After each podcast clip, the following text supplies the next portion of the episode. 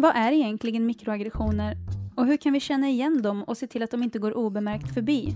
Det pratar jag med Patrik Konde om, som är processledare här på Friends.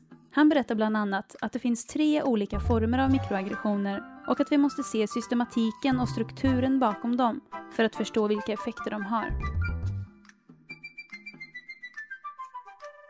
Mikroaggressioner skulle kunna beskrivas som vardagshandlingar som ofta går obemärkt förbi i det sociala samspelet, men som fortfarande har en negativ effekt på personer som utsätts.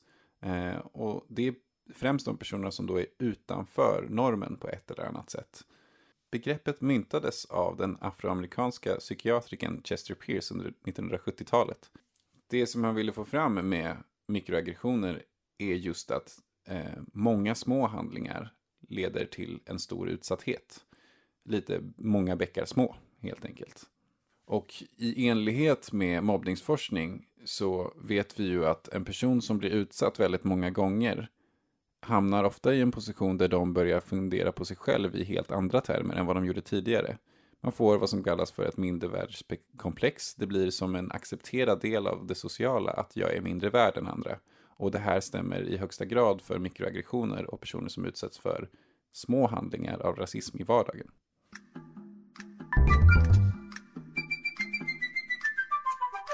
Det här prefixet mikro ska liksom inte förstås som att det är en väldigt liten handling eller någonting som inte är så farligt utan snarare för att i det stora sociala samspelet så ses det ofta av omgivningen som en liten händelse även om effekterna när man lägger ihop dem har en väldigt stor betydelse för det sociala samspelet.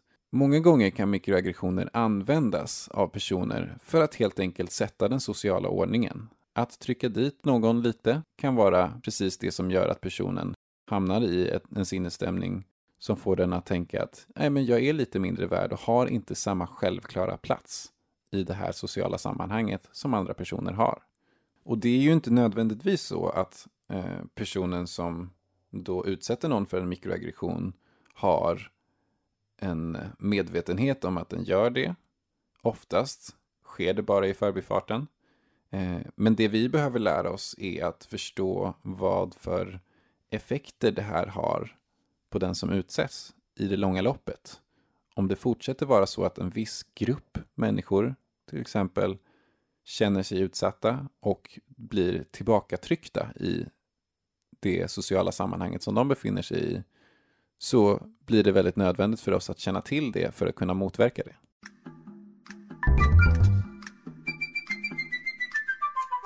Mikroaggressioner brukar kunna delas upp i tre olika delar.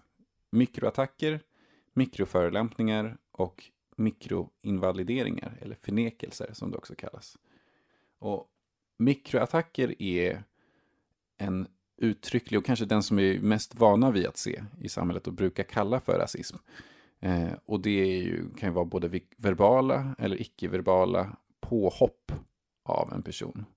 Eh, det kan dels vara att någon skriker eh, något glåpord, till exempel n-ordet, eller att en person eh, blir påhoppad genom att någon fysiskt ger sig på dig. Eh, det kan också vara att någon ritar ett hakkors på en vägg i skolan. Men alla de här är tydliga attacker som har en koppling till en rasistisk historia. Sen har vi mikroförolämpningar som brukar kunna vara lite svårare att känna igen. Och det är för att de har en mer subtil karaktär än mikroattacker har. Ofta så kan mikroförolämpningar maskeras som en komplimang. Exempelvis så är det ju så att det ofta har en, en, en koppling till den typen av stereotyp som en grupp förknippas med. Så till exempel så skulle det kunna vara att en elev med asiatiskt påbrå får höra från läraren att ska inte du kunna det här på mattelektionen, vilket då maskeras som att en elev kan någonting, men istället så blir det som att man faller in i ett fack och en stereotyp kring att vara på ett visst sätt och förväntas vara på ett visst sätt, just på grund av ens ursprung och hudfärg. Eller exempelvis om en person som har bott i Sverige hela sitt liv får en kommentar som Vad bra du är på svenska. Och sen har vi ju mikroinvalidering eller mikroförnekelse som det också kan kallas. Och det handlar ju just om att en persons upplevelse av rasism förnekas. Eh, och om vi tar en situation till exempel där en person får frågan eh, Men var kommer du ifrån? Och personen svarar Nej men jag är från Sverige. Och sen får personen följdfrågan Nej men alltså var kommer du ifrån egentligen?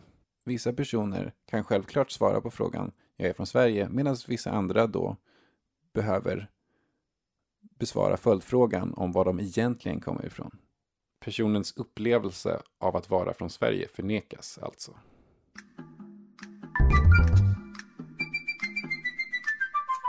Men hur blir vi då bättre på att eh, känna igen mikroaggressioner och eh, göra något åt det?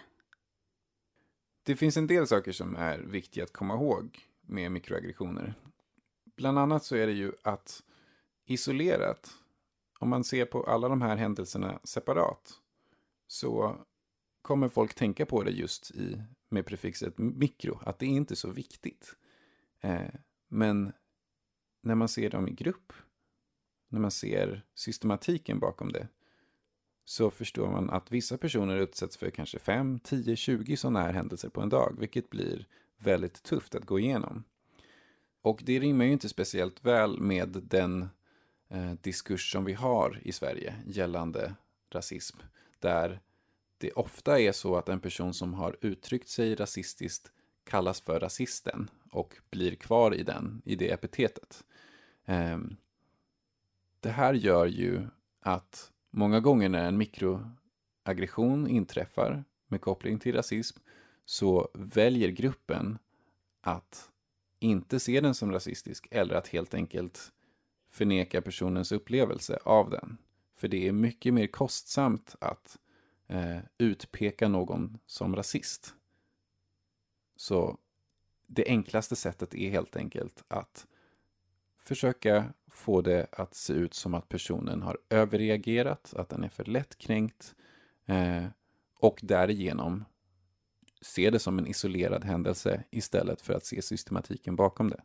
Här måste vi ju tänka att eh, vi måste tänka på strukturen i det. Och vi måste tänka på att vi måste kunna agera på den typen av händelser för att skydda personer från eh, upplevelser av rasism.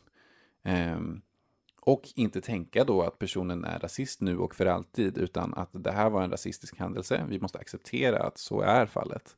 Eh, men också att då ge ett utrymme för personen att kunna bättra sig och lära av det här övertrampet. Sen får vi också komma ihåg att mikroaggressioner ser ju väldigt olika ut beroende på vem som utsätts. Eh, för olika stereotyper är kopplade till olika typer av kroppar. Eh, den typen av mikroaggressioner som en person från Sydostasien upplever är ju väldigt annorlunda från hur en person som kanske har ursprung från eh, den afrikanska diasporan ser ut.